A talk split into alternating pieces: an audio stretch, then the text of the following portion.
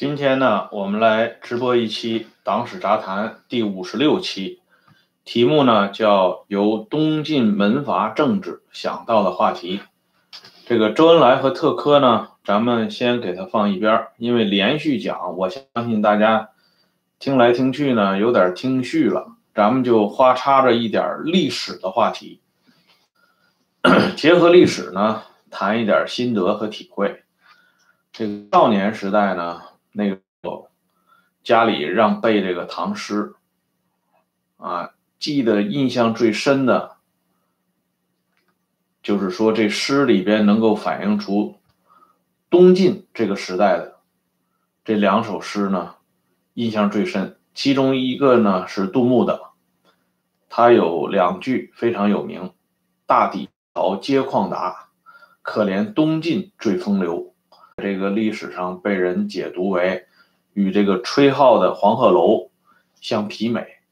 李白大抵也有这个意思，因为他认为吹号的这个诗写的太漂亮了，眼前有景到不得，吹号有诗在上头。这是李白自己对吹号的高度评价。而言语呢，在《沧浪诗话》里边呢，对吹号的这个呃晴川历历。汉阳树，芳草萋萋，鹦鹉洲的这个黄鹤楼更为推崇，认为唐朝啊七言律诗写的最好的就是吹号的这个黄鹤楼，所以呢，李白才有了这个登金陵凤凰台，就是凤凰台上凤凰游，凤去台空江自流，吴宫花草埋幽径，晋代衣冠成古丘。今天呢，一开头说这个唐诗不是为了发诗古之幽情，也不是念天地之悠悠，而是呢，由历史想到了这个门阀政治，东晋想到了这个门阀政治的话题。一说到这个东晋的门阀政治，我给大家看一本书啊，这个是。原来北京大学的教授田余庆写的《东晋门阀政治》，要了解这个东晋的门阀呢，这本书无疑是一个敲门砖，也是必读的。这本书我读了好多次了，次数已经记不住了。我拿的这个是北京大学的那个出版社二零零五年的版本啊。这本书里边呢。读来读去，我认为最精彩的就是这本书二百一十六页里边的一句话：“帝王之兴皆有驱除。”古人观察到的这一现象，就历史转折关头出现的过程的复杂性、反复性说来，具有普遍的意义。这句话，我认为是这本书的画龙点睛之笔，就是说。门阀政治起源于维护皇权的统治，而它最终没落于，也是为了皇权政治的需要。这是门阀政治的兴起与覆灭的这么一个过程的简单的概括。具体到东晋这个王朝呢，应该说，它是把这种门阀政治发挥到了极致的这个朝代。说东晋最风流这个话，其实并不过分，因为我们看一下历史上偏安江南的成型的这个王朝，一个是东晋，一个是南宋。东晋是正儿八经的这个南北朝、南朝四四个朝代，咱们先不提啊，就是说从中原王朝。最后偏安江南的就这一个是东晋，一个是南宋。东晋人家历史上正儿八经的搞过几次大规模的北伐，而且声势很浩大。像桓温的北伐呢，一度呢居然还取得过呃不小的胜利。可是到了南宋的这个北伐呢，都是虎头蛇尾。啊，甚至呢，他是主要是为了政治南伐做打算，像这个韩托胄啊，这个北伐就是最典型的例子。而且就这么一次北伐，最后呢，让这个权臣韩托胄脑袋还搬了家。比起人家东晋的这几次北伐，那不可同日而语。而且东晋呢，还居然消灭了北方最强大的前秦政权，让前秦政权最终发生了分裂。而这些所有的这些的历史的这个成就呢，都要归功于他的这个门阀政治。东晋的这个门阀政治呢，很有特色。为什么讲它很有特色呢？或者说，它也可以说是一个相对来讲接近于绝版的，或者叫限量版的这么一个历史模式，就是东晋的这最大的这几支儿：琅琊王氏、颍川。于是，陈俊、谢氏啊，这几个家族呢，他们之间，包括他们家族自己，都有一个非常深的政治谅解。这个政治本身就讲究平衡，你一旦打破了这个平衡，这政治可能就完蛋了，搞不下去了。所以，这个门阀政治形成的这个合议制呢，在东晋这个王朝里面，就整个显得。用老百姓话说，特别有人情味儿。你看呢，这个具体咱们讲，王氏，这个琅琊王氏，王导死了以后呢，他的这个整体的这个位置是传给他的兄弟。啊，没有直接说传给他的儿子。更为明显的是，这个颍川的于氏啊，于亮死了以后，是他的弟弟于兵、于毅相继掌握大权。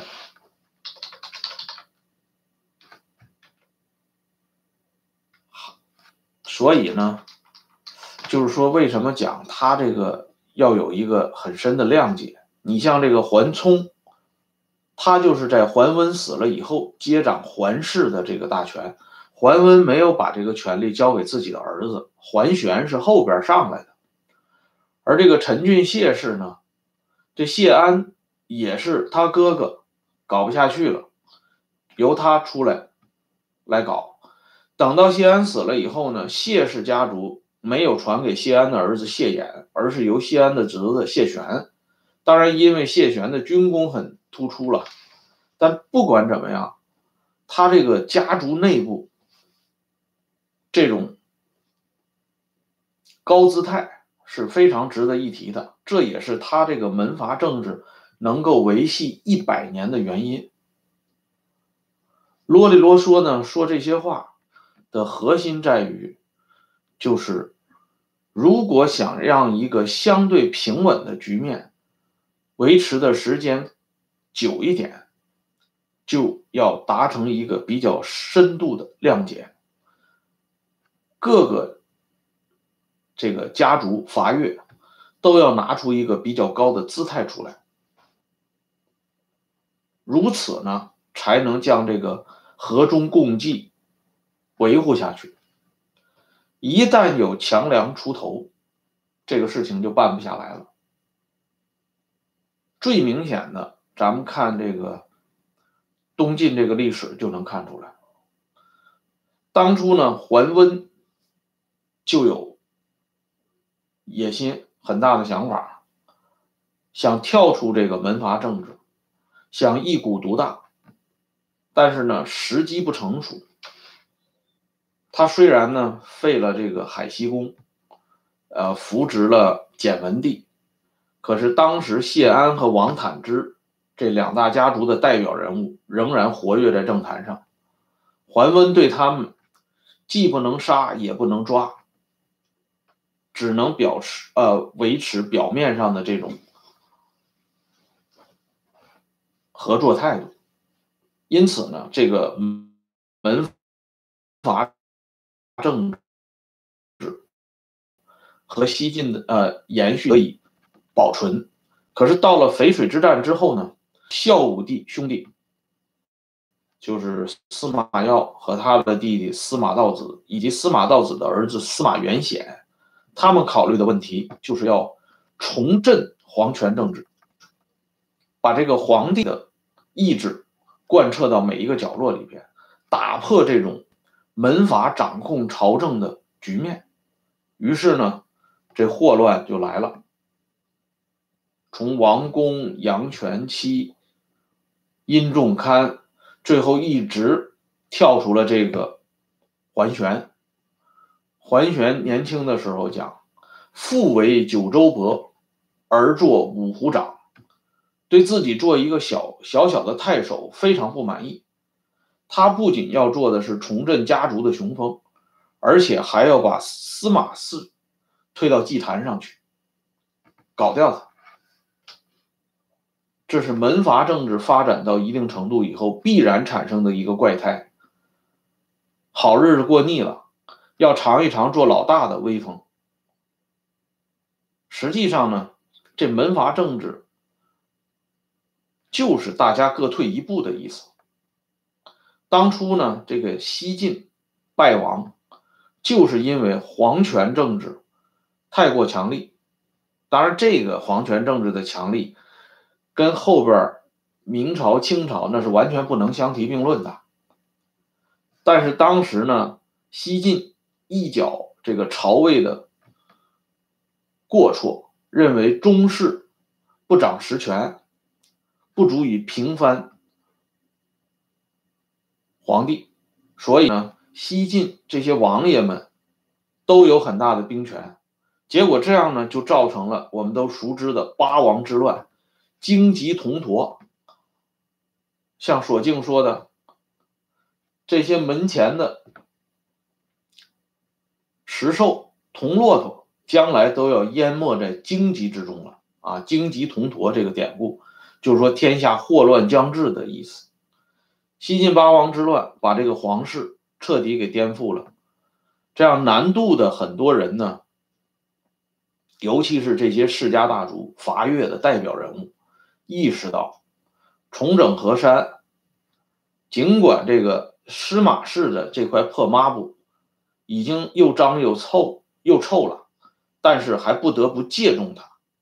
于是呢，仍然挂起这面啊司马家的这个破旗，但是里边的瓤子换成了王谢，包括于氏啊、桓氏啊，包括还有像何冲这样的中间人，这些人。轮流执政的局面，让这个统治呢能够一直的延续下来。这本来这个棋呢设计的也是很好，走的也是不错的，但是桓玄的出现，让一切变得不可预知了。这桓玄，他的特点是什么呢？特点就是出身于高门大族，他的父亲是桓温。这就不用说了，他的原主啊，这个门阀政治里边，田余庆的一个重要贡献，就是考证出桓温的原主是曹魏司马懿发动政变时候杀害的一个曹爽的重要亲信智囊大司农桓范啊，就是桓温是桓范的后代，桓温呢上主就是跟公主结了婚。这样呢，桓玄就有了皇族的血统。更主要的是，桓温留下的巨大的政治遗产，让桓玄一个人就给继承了。这桓家呢，一直是在经营这个江州、荆州这一带的势力。经过桓温、桓冲两代人的努力，到了桓玄这儿，实际上已经是手到擒来了。加上这个人胆子太大。啊，他执意要打破这种共治的局面，所以最后就演出了一场这个善待的丑剧。啊，桓玄呢，超过了这些所谓兴晋阳之甲的王公之位，啊，耍弄北府名将刘牢之于股掌之间，最终呢，消灭了意图重振皇室威权的司马道子和司马元显。借此呢，入主了这个南京啊，当时不叫南京了，可是桓玄呢，做了初一，有人就要做十五。桓玄打破了这个家族的共治，实际上也是把这个和议制最后一个遮羞布呢给扯掉了。于是呢，更多的没有啥底线的人纷纷的跳了出来，这就应了这个田余庆在这本书里所说的“帝王之兴，皆有驱除”。他讲的就是很有意思。他说，司马氏、主相。王室两支交错构成的纷争，为桓玄制造了机会，而桓玄的一时得逞，又成就了刘裕的事业。纷争只是政治现象，纷争所包含的实质性内容是皇权力求振兴，是门阀政治行将结束。这种历史任务由刘裕来完成。凡是为刘裕获胜创造条件的事件与人物。看来都是在为刘裕驱除，不过这是客观的历史进程，与古人所相信的天命完全不是一回事儿。这个话讲的已经很透彻了，就是说门阀政治和意志、集体领导，是人们一直以来梦寐以求的一种比较消停的解决政治纷争的最佳途径之一。但是这种门阀政治一定要被结束的。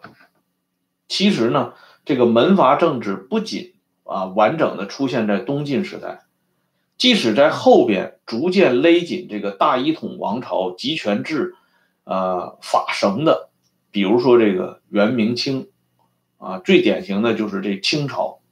清朝被称为中国封建王朝里边高度集权的一个典范。但是呢，在清朝，它实际上呢也有这个门阀政治的特点，啊，只不过是不那么明显而已。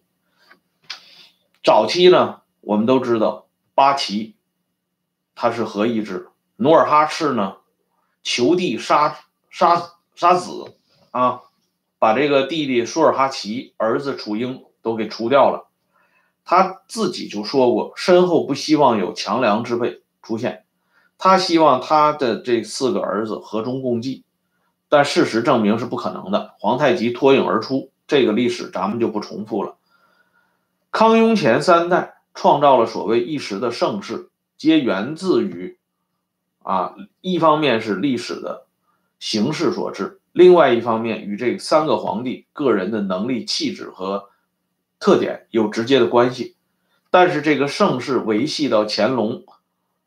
二十三年以后就维持不下去了，而乾隆还没有死，白莲教起义就已经兴起，这个王朝走向没落。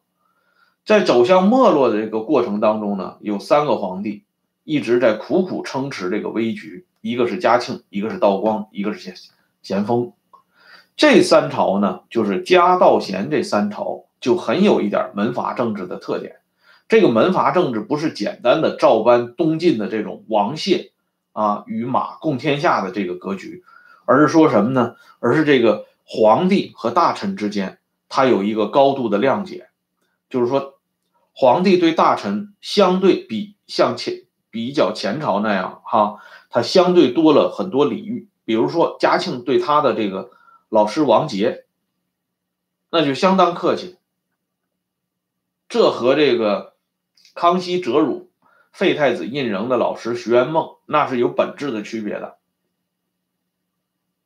而道光朝呢，啊，执政的，比如说曹振庸、穆彰阿这些人呢，虽然昏聩啊、狡诈，但是道光皇帝与这个大臣之间，整体他是比较和谐的这个状态。皇帝呢，能够倾听大臣的意见，大臣在允许的条件下。也可以或多或少的与皇帝探讨一下事情发展的过程，是不是一定要按照既定方针来搞。到了咸丰这个时候就更明显了，咸丰是被肃顺这些人包围着，但是即便是这样，其实呢皇权也没有扩张到极致的程度。正是因为被肃顺这些人包围着，所以才会出现，比如说皇后懿贵妃有什么用度的时候。啊，咸丰经常会说一句话，这个事儿不能办，因为数六不答应啊。所谓数六不答应，就是数顺不答应。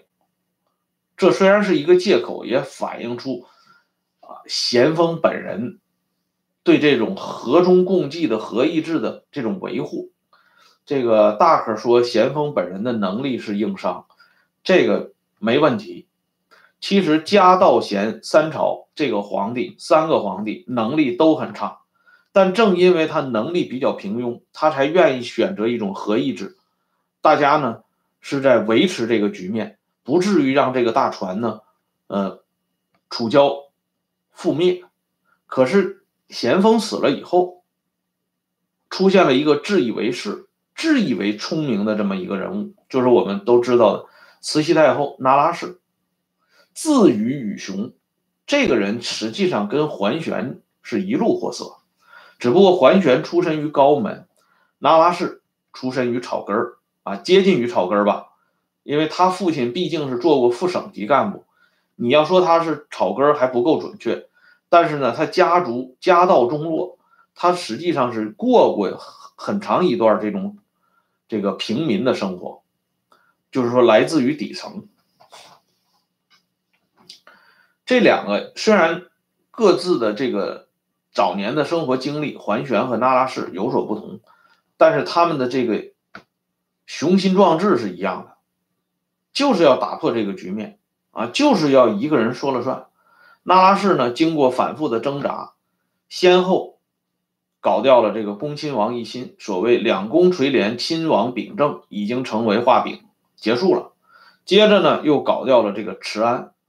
到了光绪七年之后，一直到光绪三十四年啊，这个女人是长达二十七年的独立执政时代。特别是最后的这几年，就是一八九八年到一九零八年最后的这十年，这是那拉氏的文革黄金时期。自己独立执政了，连这个排位都不需要了。可是呢，我们看到的是什么呢？他越是走向独立执政，越是甩开了这些羁绊之后呢，这个清王朝越是啊离这个覆灭就更近了一步。他光绪十年啊，甲申一书，随后就爆发了这个中法战争。到了一八九四年的时候的甲午战争，实际上已经让这个中国遭受了空前的损失和灾难。可是呢，呃，随着戊戌戊戌变法的失败呢，啊，那拉氏重回前台，开启他的这个啊文革时代。那么迎来的是什么呢？是庚子之乱，义和拳这些乱七八糟的东西都冒了出来。最后呢，内讧引来外侮，而在这个接班人问题上，那拉氏又摇摆不定，最后仍然选择这种主少国疑的局面，为大清的宋忠呢，钉上了又一个有力的棺材钉。这是那拉氏晚年做的一个重要的贡献，就是说，从东晋到清末，我们可以看出这个格局，凡是。把这种合议制搞得粉碎的，想要强出头的时候，这个局面就很容易失控。其实呢，你看我们从这个不光是举这个东晋和这个清朝的例子，你包括这个宋朝，宋朝咱们就说北宋啊，这个。为什么会有靖康之乱？为什么这宋徽宗、宋钦宗最后让人这个弄到五国城去？根子就在这个宋徽宗身上。宋徽宗之前的这几个皇帝，宋仁宗就不用说了，这个人的能力啊、眼界啊，还都是可以的。宋英宗、宋神宗、宋哲宗这三朝，神宗虽然有西宁改。改制的这一这个说法啊，用王安石变法的这些说法，但是呢，这三朝英宗他是外来户，对吧？他首先这个爹的问题就没解决，神宗这个就不存在这爹的问题，但是他有娘的问题，他老娘啊，在这个朝廷里边是占有一定的股份的，所以他这个变法呢，经常来自于后台的阻挠，同时也说明这个皇权呢，它要受到限制。哲宗就更不用说了，哎，哲宗上台以后，这个新法被废除，都是老太太们在说了算。所以这三朝呢，不可能让皇帝的意志得到尽情的施展。但是到了宋徽宗就不同了。宋徽宗虽然是向太后引进来的，但是向太后很快就死掉了。宋徽宗呢，在长达二十多年的执政里边呢，一直是自己在独立操持这艘大船。于是呢，这个这人的想法就不一样了。因为他也是外来户啊，由藩王入籍大统，他没有什么威信，啊，没有什么威望，他就认为我要站稳脚跟，坐稳屁股，那我一定要做出跟前朝不同的。所以呢，他的这种主观愿望自然要与客观存在的蔡京这些人相结合。于是呢，啊，搞出了很多大动作，在政治上昏招不断。最终引狼入室，海上之盟，把这个女真人给搞进来了，啊，结果呢，这个国家到了不可收拾的地步。本来到他这一代的时候，北宋这个疆域也比之前扩大了，财政收入也比以前多了。仅仅以东京汴梁这个城市来讲，这个城市的繁华程度，那可以说是前无古人。部分可以说是后无来者，因为靖康之乱若干年之后，啊，能够与当年这个《东京梦华录》里边描述的东京汴梁的那种繁华相比拟的，也都是几百年之后了。就是说，靖康之乱所造造成的这个巨大损失，那是不可以言表的。然而，这个巨大的损失的首屈一指的责任，就是由这位。啊，意欲大权独揽的宋徽宗相关联的，他就是要打破这种合议制，我就是要自己说了算，完全说了算。但是呢，他的能力、他的眼光、他的水平是跟不上的。你光有雄心壮志不行。以前戴笠不是经常讲吗？这个见机履机呀。就说你这个人想法是一方面，你的能力也要同时到位。如果你能力或缺，你的这个想法那就是以好的开始，以恶的结束嘛。所谓这个好因和恶果嘛，这不是这几天我们经常说到的一句话吗？哎，当然了，这个宋徽宗也有成就的地方，比如说他作为一个著名的文学家、艺术家。工艺美术大师，啊，这个都没有问题的，都留下了很多这个辉煌的作品。可是呢，这个不重要啊，因为你首先是一个统治者，宋徽宗是一个不务正业的家伙，本身就不务正业，然后呢，还有一些奇谈怪论，还有很多奇怪的神奇的想法，并且呢，希望。把这些想法还落实到实处，于是呢，像宋徽宗这种人，他身边就必然聚集了啊阿谀奉承的这些小人和垃圾。你像蔡京父子，这个宋徽宗张嘴说啊，相公公相子，这个蔡京的长子蔡攸脱口就对上了人主主人翁。啊，君臣相视大笑啊，开怀大笑，那乐的简直是啊一塌糊涂。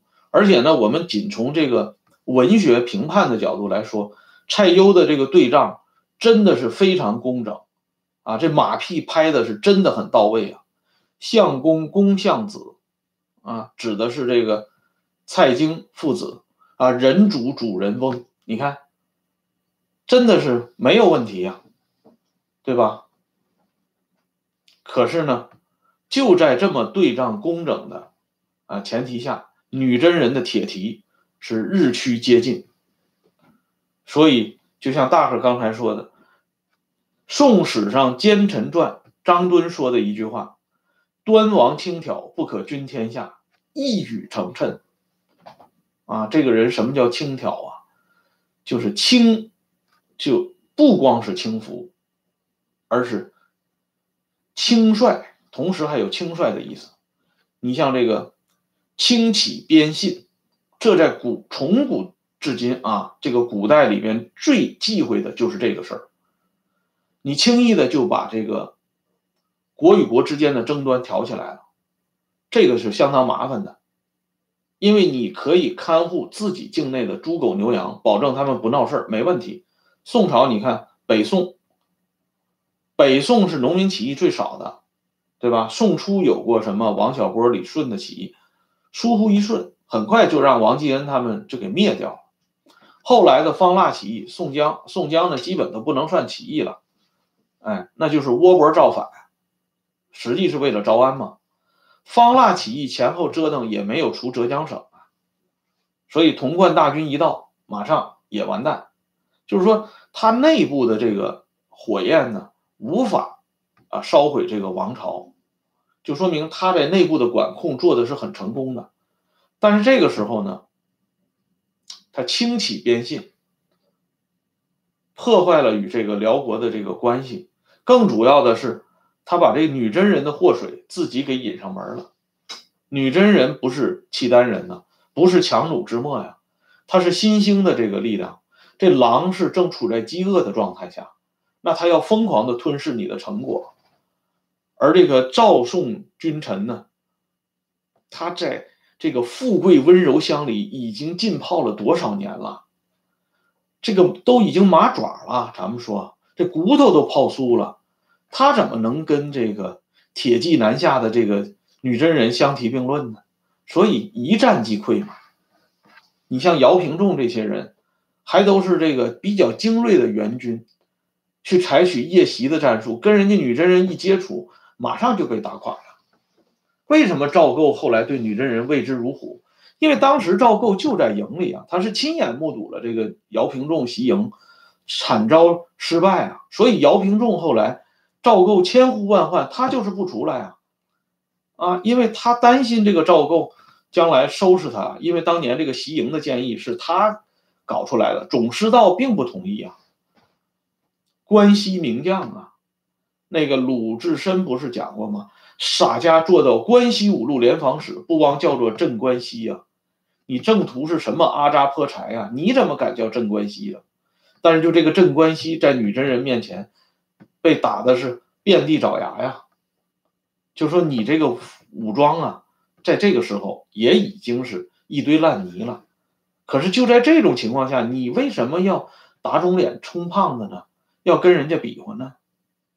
实际上这就是昏，这就是联系到刚才这个“端王轻佻，不可君天下”的这句话上面了。这个人太轻率了，脑子里没有数，心里就更没有数。再加上自己这个家底儿很大，觉得可以跟人家拼一拼，搞一搞，结果呢，自己最后到五国城。现在不是网上流行一句话吗？叫背井离乡。那宋徽宗父子就背着这个井啊，到五国城坐井观天去了。这结局是很悲惨的，教训是很深刻的。但是呢，我相信。也是没用的啊，因为一定是不会吸取的啊，道路一定是循环的。因为后来的封建王朝没有一个人啊，皇帝认真的吸取了宋徽宗的教训，这种悲喜剧呢还在反复的出现，一直演到清末。所以今天我们说的这个门阀政治的话题，就是围绕着这些内容展开的。简单的跟大家聊一聊，啊，很高兴大家上来，我们又聚了一次。接下来的这个直播呢，啊，下一期的直播咱们仍然回到周恩来的这个主题上来，继续讲这个特科。今天呢，是因为有感而发，又看到了这个东晋门阀政治，有感而发啊，说一点历史，希望大家不要浮想联翩啊，周末。睡个好觉，因为你一浮想联翩，你就睡不着了。咱们就想着东晋门阀政治就足够了。